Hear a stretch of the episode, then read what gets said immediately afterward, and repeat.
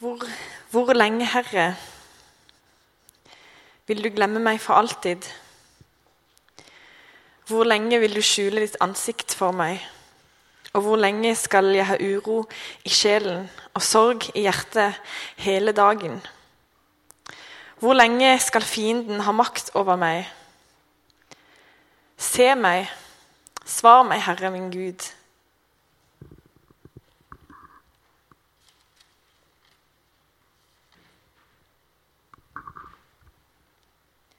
Min Gud, min Gud, hvorfor har du forlatt meg? Hvorfor er du så langt borte? Når jeg trenger hjelp og skriker ut min nød. Min Gud, jeg roper om natten. Jeg roper om dagen, men du svarer ikke. Og jeg roper om natten og får ikke ro.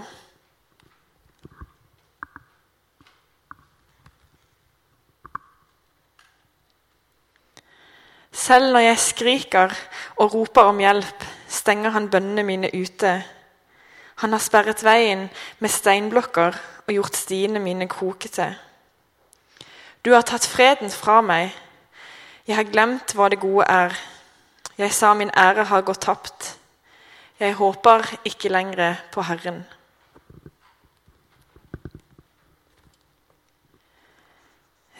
For litt over et år siden så var dette her i en periode det eneste som jeg klarte å lese fra Bibelen. Og det eneste jeg følte at jeg, jeg kunne lese og både være ærlig med meg sjøl og med Gud. Jeg lurte på hvor han var, om han var der i det hele tatt. Jeg visste ikke om jeg trodde lenger, og jeg visste ikke om, om Gud egentlig var der. Denne talen skal handle om tvil, eh, om håp om tro. Og jeg skal prøve å dele et, et ærlig glimt eh, av erfaringer som jeg har gjort meg rundt det å tvile på om Gud fins eller ikke. Eh, vi er alle er veldig forskjellige, og vi kommer her med veldig forskjellige bakgrunner. Eh, og kanskje eh, så kjenner dere dere ikke igjen i alt, dere forstår ikke alt. Dere er ikke enig i alt, og det, det er helt greit. Eh, men jeg håper og jeg bedt om at, eh, at Gud må eh, ja, berøre dere på en eller annen måte, og at ikke det at ikke det er min, min fortelling dere sitter igjen med, men at dere kanskje får lyst til å stille et spørsmål dere ikke har stilt før eh, spørre Gud om noe, eller snakke med noen rundt dere. Um, ja, så jeg håper at Gud skal få utfordre dere, selv om, om dere kanskje har vært kristne hele livet og aldri tvilt. Um, eller om du er kristen, men kjemper med tvil akkurat nå. Eller om du kanskje aldri har trodd og lurer på om, om han er der i det hele tatt. Um, Paulus han skriver i Bibelen til menigheten i Korint jeg, for, jeg forkynte ikke mitt budskap med overtalende visdomsord, men med ånd og kraft som bevis, for at deres tro ikke skulle bygge på menneskelig visdom, men på Guds kraft. Og Kanskje så hadde du håpet at at jeg bare skulle gi deg noen enkle svar eller at du trodde kanskje jeg skulle overtale deg. Når jeg, når jeg, tvilte, så var det eneste jeg ville, var å ha noen gode argument som jeg, jeg kunne slå i bordet med, både for meg sjøl og for alle andre som, som spurte meg om troa mi. Men det skal jeg ikke gjøre. For jeg tror ikke at det holder i lengden. Jeg tror ikke at Gud hvis han fins, først og fremst vil at vi skal finne alle de rette svarene. Men han vil at vi skal søke han. Men tilbake til start. Eh, I februar for litt over et år siden så dro jeg til New Zealand for å gå på bibelskole. Da jeg bestemte meg for å dra dit, så var det fordi jeg ønska å lære Gud bedre å kjenne, og jeg lengtet etter å se mer av hvem han var? Det var i hvert fall det en del av meg ønska. Eh, den andre delen i meg, som eh, kanskje over et år hadde begynt å tvile på om det jeg trodde på, egentlig var sant, hadde ikke lyst eller mot til, til å gjøre noe med. Var det naivt av meg å tro at vi som kristne sitter på hele sannheten?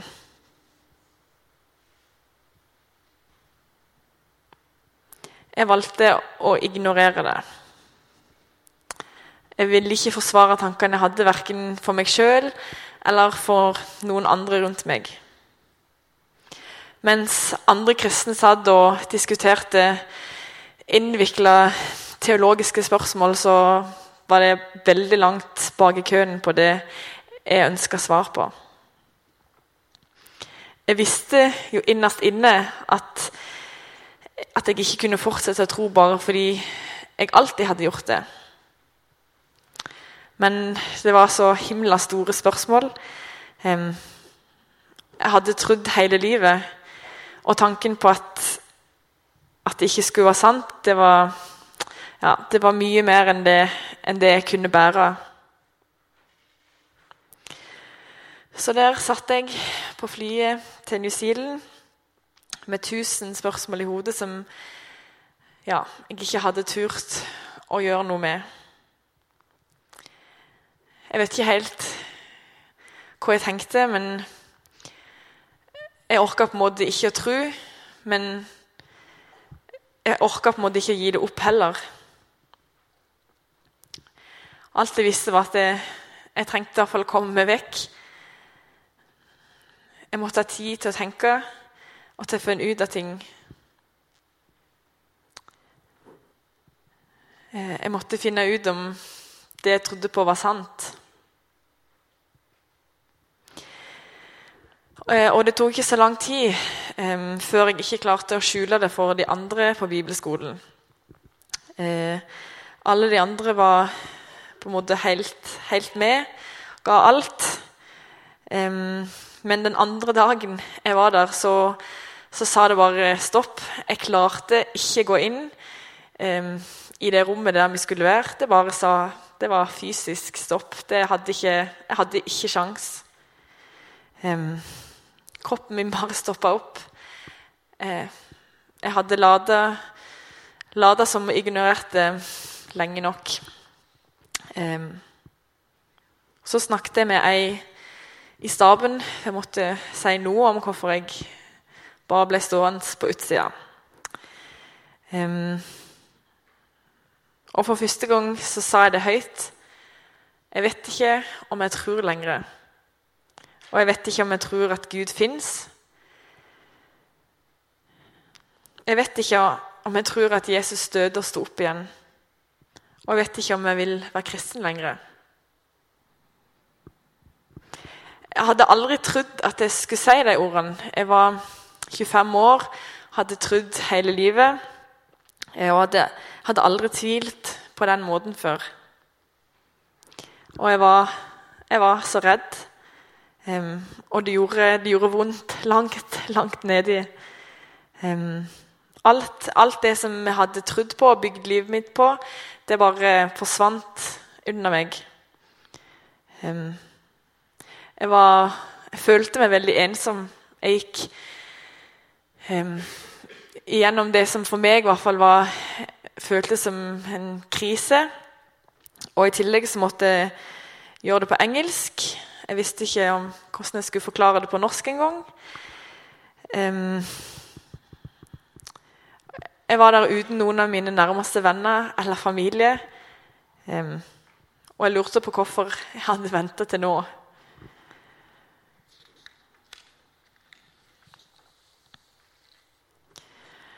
Um, og, og, når jeg da hadde fortalt det, så var jeg på en måte klar for at, at staben skulle få panikk.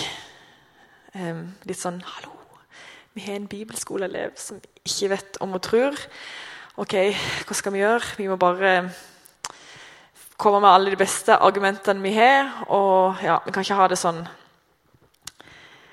Um, fordi jeg hadde, jeg hadde, trodd at de skulle få hette. For det var sånn jeg hadde reagert en gang jeg eller ei venninne fortalte meg at hun ikke ville tro lenger. Um, og jeg tror kanskje at flere av oss er redd for at, at andre ikke vet helt hva de skal gjøre hvis vi forteller dem om at vi tviler. Men eh, de fikk ikke panikk. De var helt rolige, og den ene sa ja, men, men, eh, men vi tror jo at det er sant, at han lever. Hvis ikke hadde vi ikke holdt på med det her. Vi tror at han tåler tvilen din, at det er helt normalt. Og vi tror at hvis du er ærlig med han om det og forteller han hvordan det er, så tror vi at han vil møte deg. Det var svaret jeg fikk. Og jeg trodde jeg skulle klikke. Og det er alt de skulle si. Jeg var liksom jeg var litt sånn Bare gi meg, det, gi meg det beste du har, gi meg det beste argumentet, så kan jeg bare bli ferdig med det. Um, for jeg visste at hvis jeg ikke fikk noen argumenter, så måtte jeg finne ut av det sjøl, og det kom til å ta mye lengre tid. Um, så jeg lurte på om jeg bare skulle drite i alt og bare stikke. Men jeg bestemte meg for at når jeg til tross eller hadde på en måte dratt så langt til den andre sida av jorda ja, Har jeg først vært så dum at jeg har reist så langt av sted, så kan jeg ikke gi meg nå. Jeg måtte bare gi alt og prøve har gått inn med alt det som jeg er, sånn at jeg etterpå kunne si han fins ikke, men jeg prøvde i hvert fall på ordentlig. Jeg skrev faktisk i dagboka mi at eh, jeg gir det fire uker. Og hvis, um, ja, hvis det er kjipt, så stikker jeg på backpacking resten av tida istedenfor. Um, men hvor skulle jeg starte? Jeg fikk to oppfordringer fra staben. Eh, lese i Bibelen og be. Nettopp, tenkte jeg. Det var det jeg var redd for. um, jeg hadde ikke lest så veldig mye i Bibelen i det siste. Jeg hadde ikke hatt lyst, og, ja, jeg hadde ikke hatt lyst til å lese om nåde og kjærlighet og Ja, det Jeg følte liksom ikke at det, det var noe vits, eller at jeg ja. Um, men de tipsa meg om å prøve å lese noen vers i salmen. Og seinere leser jeg òg litt i klagesangene. Eh, de versene som jeg leser for dere helt til å begynne med. Først og fremst så var jeg litt overraska over at, at, det var noen vers der som jeg følte at jeg kunne lese på en måte helt ærlig uten å gjøre meg til. At jeg kunne lese dem ja, fra Bibelen mens jeg var der, at jeg ikke visste om, at, om jeg kunne tro lenger. Det var faktisk noe i Bibelen som jeg kunne kjenne meg igjen i når jeg var der, om jeg ikke visste om det var sant engang. Og Jeg har ikke sikkert lest de versene før, men da hadde jeg ja, hadde sikkert ikke tenkt så nøye over det. Jeg hadde bare hoppet over det fordi det var ikke relevant for meg. Men nå så var det litt sånn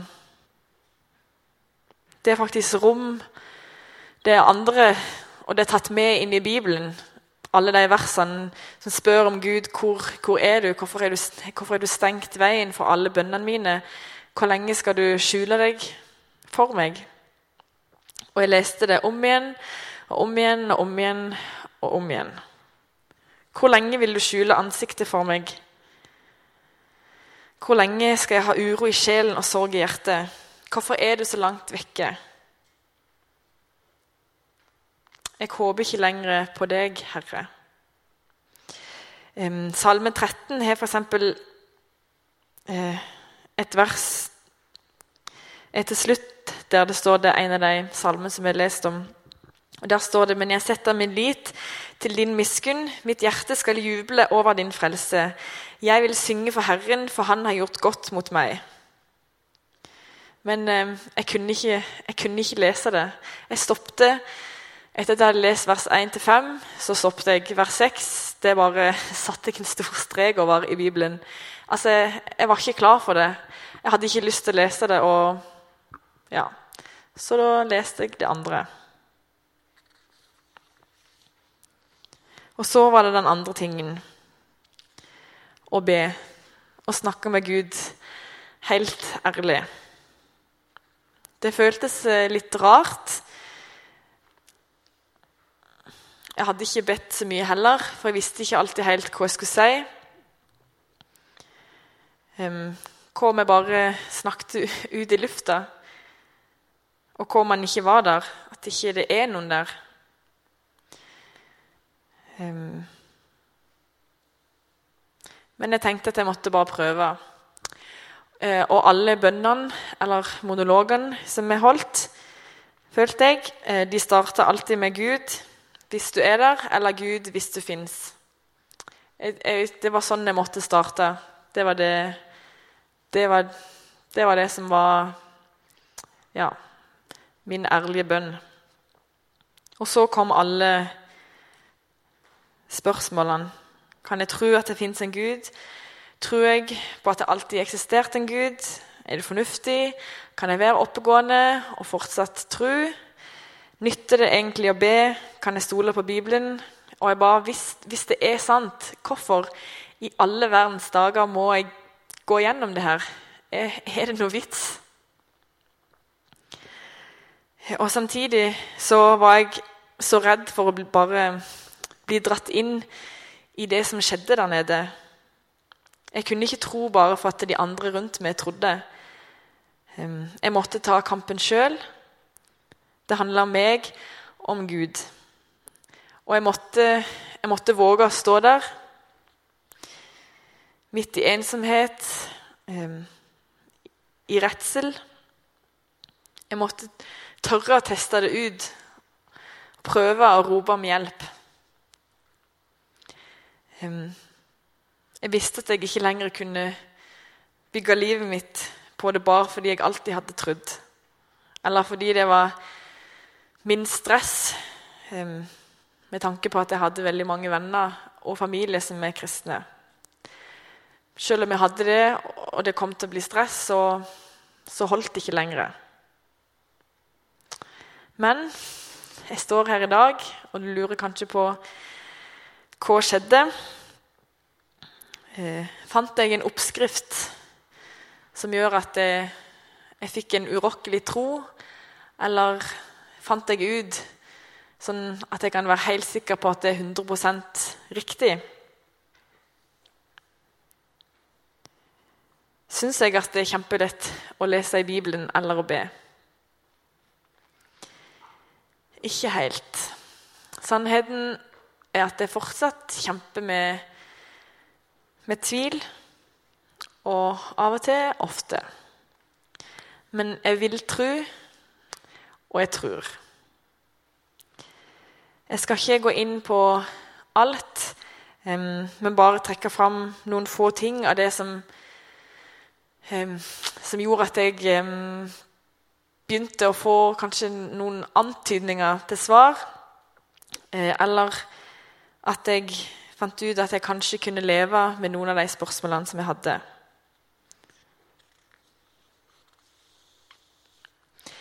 Um, noe av det som jeg strevde mest med, det var om jeg kunne tro at Gud fins. Eh, så da måtte jeg spørre meg sjøl hva betyr det egentlig å tro. Og jeg hadde sikkert hørt det tusen ganger før, men nå måtte jeg måtte lese det sjøl. Så jeg begynte å lese Bibelen på jakt etter hva han sa om det å tro. Eh, og I hebreabrevet så fant jeg flere vers. Troen er sikkerhet for det som håpes, visshet om ting en ikke ser. I tro forstår vi at verden er skapt ved Guds ord, og at det vi ser, har sitt opphav i det usynlige. Vi som har søkt tilflukt ved å gripe det håpet som ligger foran oss. Dette håpet er et trygt og fast anker for sjelen. Troen er sikkerhet for det som håpes, og dette håpet er et trygt og fast anker for sjelen. Først så tenkte jeg er det egentlig lov å skrive det her i samme setning.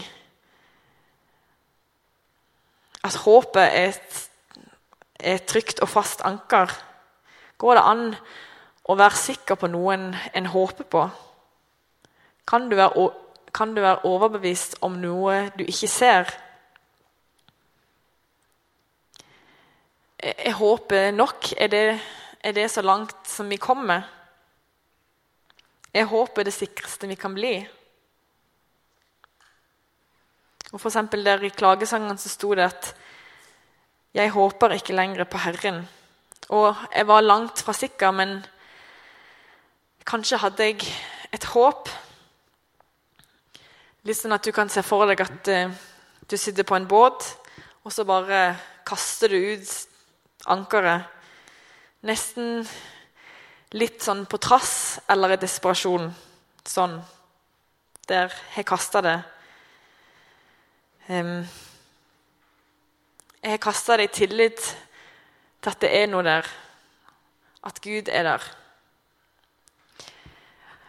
Og det var litt rart når jeg begynte å lese ja, mer Eller begynte å lese det i Bibelen. Um, noe som jeg hadde lest tidligere, men ikke ikke forstått, eller som ikke hadde gitt mening, men nå, nå gjorde det det. Det skjedde noe som jeg ikke kunne forklare. Og Bibelen eh, beskriver seg sjøl sånn som det her. Guds ord er levende og virkekraftig. Og hver bok i Skriften er innblåst av Gud. Og det står òg at Gud sier 'Jeg vil våke over mitt ord og sette det i verk'. Eh, og En forfatter som heter Magnus Malm, han skriver det her. Gjennom alle livets årstider våker Gud over sitt ord, som alltid vibrerer av liv, til og med når den mørke vinterens iskalde vind hviner i sjelen. Ordets mysterium kan ikke måles vi kan bare ane en dyp skjelving når den berører vårt indre. Iblant trenger erfaringen opp til overflaten, der vi famler med tafatte formuleringer. Iblant blir ordet værende i det skjulte for å fortsette sitt verk der. Det som er opp til oss, er å motstå fristelsen til å flykte, bli stående og la ordet få leve sitt liv i oss. Hva var det som skjedde? Det var noe med det som jeg leste. I hvert fall med de ordene som handla om håp som beskrivelsen av tro. Um, og jeg, jeg, tenkte mye på om, om jeg alltid må forstå alt. Er, er, det mulig å forstå alt, og er det nødvendig? Um, ja, og en, Blant annet i en artikkel så, så sto det at, at troen ofte blir eh, beskrevet som et mysterium. Um, men det trenger ikke bety at den er innvikla eller lite tilgjengelig. Bare at du ikke kan trenge inn til kjernen om du prøver å nærme deg troen på hjernen sine premisser. Gud kan ikke beskrives i et mikroskop eller i en stjernekikkert. Gud eh, han er ånd, han er usynlig, og han er ikke bundet av tid eller rom. Å tro er ikke en, en idé, en tanke eller en lære som vi skal følge. Tro er en erfaring og noe som du må kaste deg inn i med hud og hår. Kaste ut ankeret. Og at det, at det, er sånn, har ingenting med anti-intellektualisme eh, Kirken har rommet mange skarpe hjerner opp gjennom historien. Men, men like fullt så, så, er poenget at troen skal være enkel nok til at et lite barn kan gå rett inn i det. Uh, og så litt mer om denne erfaringen. At, at det med tro er noe som en skal kaste seg inn i. Jeg er litt sånn eh, ambivalent og allergisk må mot å si at det er en erfaring, eh, fordi jeg er litt redd for at, eh, at, det skal bli en ting som vi må prestere. At vi må tro rett og be rett for å få Gud til å handle. Men, men allikevel så handler det om nettopp det å håpe. At han er der, og at han kan svare når vi så desperat roper og spør om han er der. Um, vi vet ikke kanskje hvordan han ville svare, det blir kanskje ikke sånn som vi hadde tenkt. Um, jeg trodde f.eks. ikke at Gud kunne snakke til meg. Det var bare helt stille. Og så um, opplevde jeg at uh, ja, jeg var litt sånn Når jeg først er her, så bare ja, går jeg all in, sånn som jeg sa, og jeg tar imot det jeg kan få. Så hvis noen spurte om de kunne be for meg, så var det sånn Ja da, vær så god, det er greit. Um, og så var det en random fyr som jeg ikke kjente, som skulle be for meg. Um, og når han ba, så ba han plutselig så pinlig korrekt om ja, om alt det jeg gikk igjennom og tvilte og ikke trodde. At det var litt sånn Gud, nå Det er nok. Du trenger ikke fortelle han mer. Jeg, jeg, skjønner, jeg skjønner poenget. Jeg skjønner at du kanskje er der. Det var som om han sa 'hallo'. Hallo. Jeg er der. Jeg ser deg. Jeg hører deg. Skjønner du det nå? Det er ikke bare noe du innbiller deg. Kanskje var det bare tilfeldig. Um, men akkurat nå så tror jeg ikke det. Um, og jeg vil utfordre dere til å I tillegg til å be sjøl, til å til å si ja hvis andre har lyst til å be for dere. Kanskje kan Gud tale til deg gjennom noen som allerede tror. en annen ting jeg vil nevne kort, er at det kan være bra å finne ut av hvorfor du tviler. Hvorfor har det begynt å tvile det siste året? Jeg skal ikke gå inn på eh, alle mine grunner, men eh, men Jesus spør bl.a. disiplene hvorfor er dere grepet av angst, og hvorfor våkner tvilen i hjertene deres? Det med at, at tvilen våkner, sier noe om at han, at han kanskje alltid er der. At vi er født med fri vilje, at vi ikke vi må ikke tro.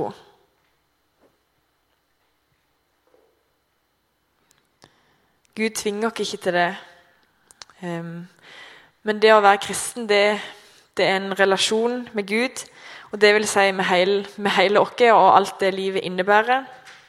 Um, og pga. at vi har forskjellige utfordringer i livet, så kan det være forskjellige ting som, som står på, som gjør at denne tvilen våkner. Um, det kan være intellektuell tvil. Det kan være at um, en har dårlig sjølbilde eller ikke troa på seg sjøl. Sånn at når en står sammen med andre som ikke tror det samme som seg, så kan det være vanskelig å stå for det. det kan være krise, og det kan være mange ting. men det kan være lettere, i hvert fall opplevde jeg det, at når jeg på en måte tørde å gå inn i noe av det, så var det lettere å måtte finne en vei og begynne å, å jobbe med det og svare på noe av det ja, som jeg syns var vanskelig. Og så litt om om åpenhet rundt det å tro. Um, kanskje var det ikke så lite rom for tvil som, som, jeg, som jeg opplevde. Men jeg tror likevel at det er flere enn meg som har opplevd at det, at det kan være vanskelig eh, å dele at en tviler. Men hvis kristen tro er sann, så tåler det spørsmålene våre. Det er jo ikke sånn at, at jeg skal opprettholde Bibelen eller Guds troverdighet ved å ikke tvile. Så jeg vil slå et slag for at det er noe vi kan være mer åpne for. Vi kan ikke ha det sånn at det ikke er lov å tvile, eller at det ikke er lov å stille spørsmål. Det er sunt å ha spørsmål.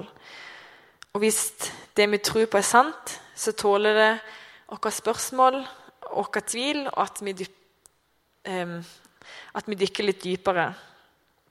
Eh, og mange av de salmene som er lest, eh, både Salme 13, Salme 22 og fra Klagesangen 3, så er, de er veldig fylt av kontrast. Den dype tvilen, men samtidig håp. Så det, det, er rom for begge deler samtidig. Det trenger ikke være enten-eller. Eh, og, og, for eksempel så er det ingen Det ser ikke ut som for Thomas, som var en av Jesu disipler, som kjente han best. At eh, han ble kasta ut av gjengen fordi han ikke kunne tro på at Jesus hadde stått opp. Eh, Thomas fikk lov å sette ord på det, og Jesus møtte han i det. Han sa, 'Dersom jeg ikke får se naglemerkene i hendene hans' 'og får legge fingeren min i det', så kan jeg ikke tro. Og tenk å ville legge hendene sine i såret til noen. Det høres kanskje litt sprøtt ut, men alt for å finne ut av det, tenker den som tviler. Um, og det er ikke sånn Det her er viktig at, at alle har rett til å vite alt. Ikke i det hele tatt. Men kanskje er det noen som skal få stå sammen med deg. Og jeg husker sjøl at jeg ble oppmuntra når jeg kom på at at jeg hadde en venninne som hadde delt med meg at hun en gang når hun tvilte og det, alt var kaos, så hadde hun bare ropt høyt til Gud. Og bare sagt alt som det var. Og da tenkte jeg Da kan Kanskje, kanskje jeg òg kan gjøre det. Kanskje det er normalt.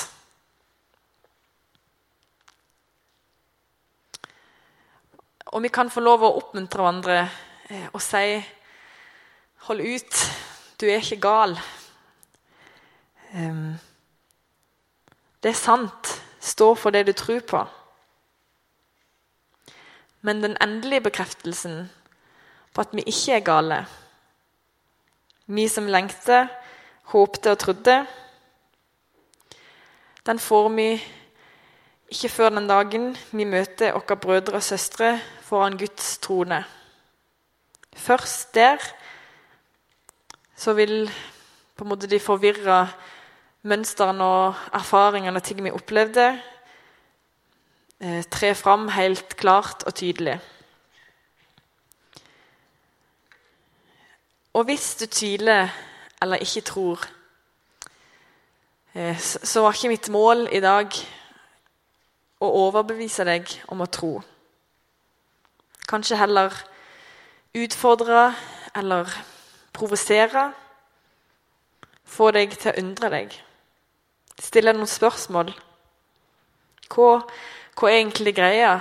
Hvorfor kan hun stå der oppe og si at hun tror? Hun var så langt vekke, og allikevel så tror hun i dag. Og det kan føles rart. Det er rart, og det kan virke ulogisk. Kanskje skal du prate med noen du kom med, eller med Gud, hvis han er der. Og jeg vil òg tipse om eh, et alfakurs som Misjonssalen og Storsalen, to menigheter, skal holde i høst. Der en ja, går igjennom mange av de store på en måte, linjene i kristen tro, og der en kan få kanskje svar på noen ting. Eh, og til slutt Tidlig i oppholdet der nede så leste jeg en andakt som bl.a. beskrev at noen av Jesu disipler at de trakk seg vekk da han forkynte for folket at han var den eneste veien til himmelen. De tålte ikke å høre det. Og Spørsmålet som Jesus eh, spurte disiplene, det fulgte meg under hele oppholdet, og det kommer ofte tilbake igjen. Etter dette trakk mange av disiplene seg unna og gikk ikke lenger omkring med ham. Da spurte Jesus de tolv, vil også dere gå bort? Simon Peter svarte, Herre, hvem skal vi gå til? Du har det evige livets ord, og vi tror og vet at du er Guds hellige. Ville jeg òg gå bort? Var det mitt endelige svar? Eller trodde jeg det samme som Peter? Men hvis ikke det var sant, så så er jeg på en måte universets største dust som har trodd på det. Men hvis Kristus ikke er stått opp, da er deres tro uten mening. Hvis vårt håp i Kristus gjelder bare for dette livet, er vi de ynkeligste av alle mennesker, skriver Paulus. Vil jeg gå bort? Gud gir meg lov. Jeg må ikke tro. Og jeg prøvde å se for meg et liv uten Jesus. Og tomrommet ble enormt. Hvem skulle jeg gå til? Ingen annen person eller ideologi kan noen gang tilby meg den grensesprengende kjærligheten som jeg mottar av Jesus. Og forstanden min kan fortsatt ha store problemer med å forstå Guds eksistens, universets opprinnelse og ondskapens problem. Men hjertet mitt håper. Hjertet mitt har full visshet og overbevisning om det øynene mine ikke kan se, og forstanden min ikke kan forstå. Sigvard Dagsland synger en sang Jeg kommer til deg, Gud, med min svake tro. For sjøl om tvilen kan være så stor, så har din godhet satt så dype spor. Og til dere som tviler ikke la blikket fra de sikre ta fra deg håpet. Når det kommer til stykket, er det ingen som vet. De håper mot alle odds, de òg.